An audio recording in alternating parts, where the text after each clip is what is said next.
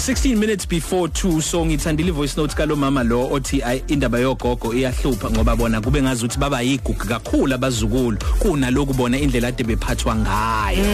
Mhlasimpe ke kuba inselelo ke mhlambe kumzali omunye okungadinga ukuthi azasizwe ipersonologist yethu. Personologist yethu ulwazi mchuni macingwane siyakubingelela. Sikwamukele kwi 12 to 3 cafe. Sabona siya. Ngikubingelele ngikubingelele no Selby.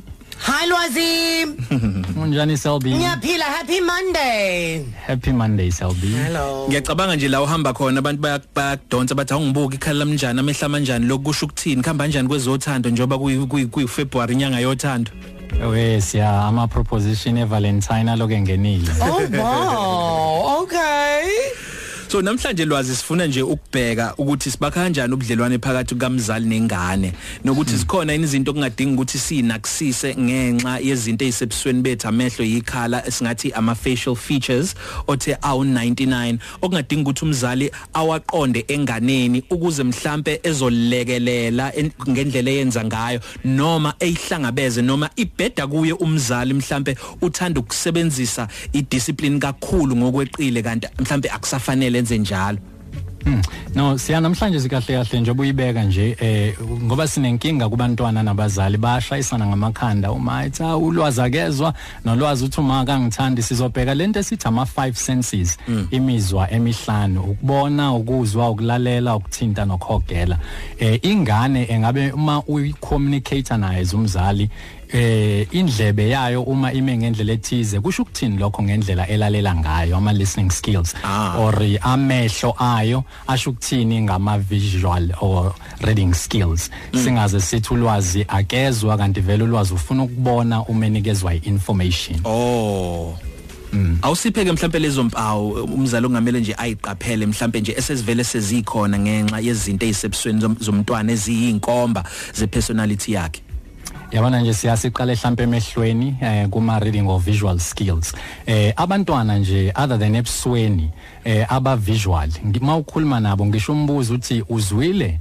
Uzophendula yena athi yebo ma ngiyabona. Lokho kuyisign already ukuthi umntwana uyasikhombisa ukuthi udinga ukubona ukuze athathe in i-information. Awungiphindela kwenza kanjani?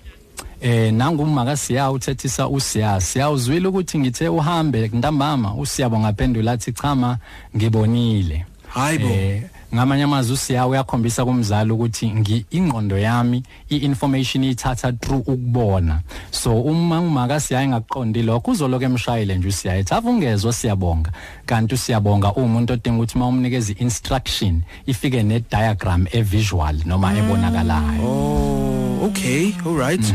Ungaqhubeka lwazi.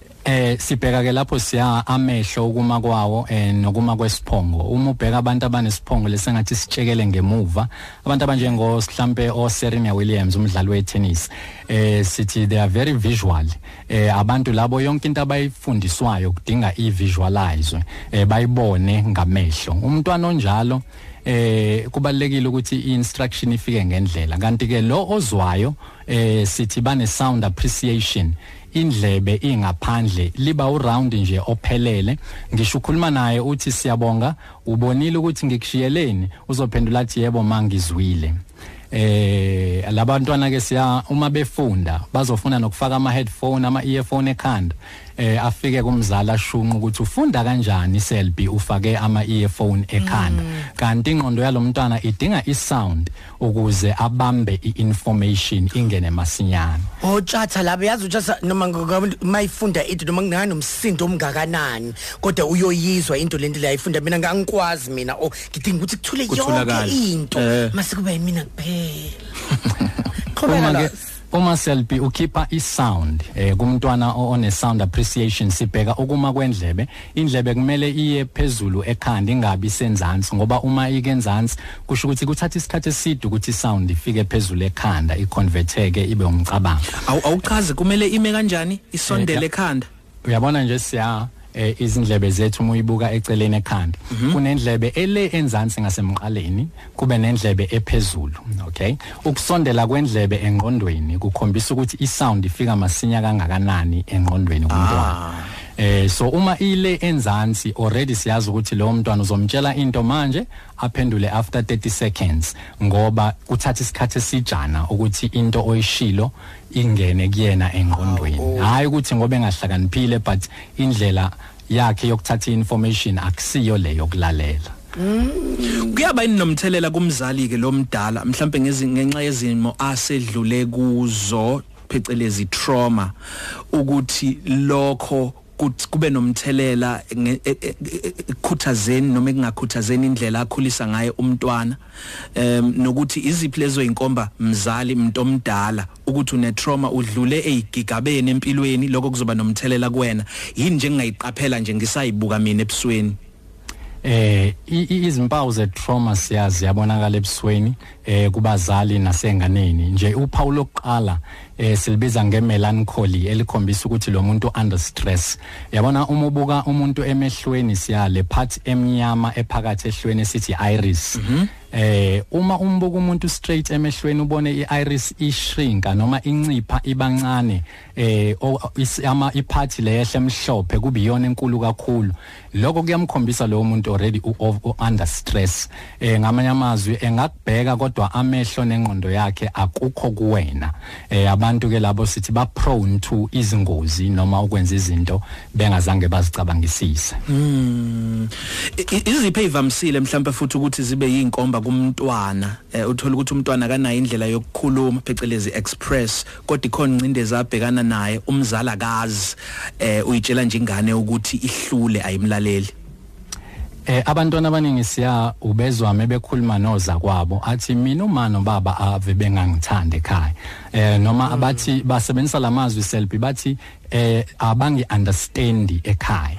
Eh umntwana already usuke sesinikeza inkomba yokuthi eh umzali naye banongashayisani. Eh but okunye kokuphinde kube inkomba abantwana ke abafani nabantu abadala bayashesha ukuzwela.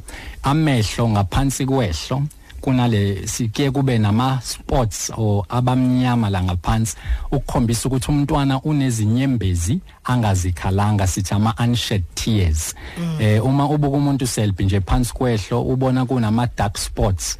Eh ngaphansi kwehlo la ka left kusho ukuthi umntwana unenkinga in their personal life. Uma kuukuthi ama dark spots angaphansi kwehlo laka eh, side laka right they have a problem in their public life. Ngenze ukuthi uhlukumezeke esikoleni noma eh, maybe ngaphandle kwasekhaya. Mangena sports eh mawungena eh i not necessarily selfie kungenzeka ukuthi awuna sport ngoba phela eh nabantu bayiprocessa i-trauma noma ukuhlukumezeka ngezindlela ezingafani. Mm. eh but nje isign enkulu yokukhombisa i-trauma eh, emehlweni kumntwana is sibheka i-iris.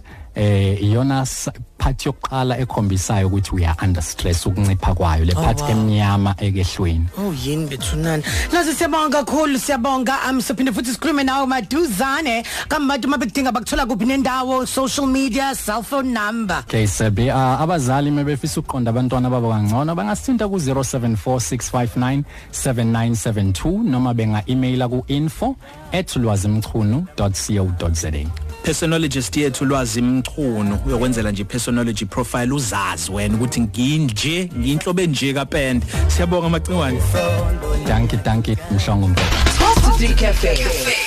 Ilunch yakho ayifani neyizolo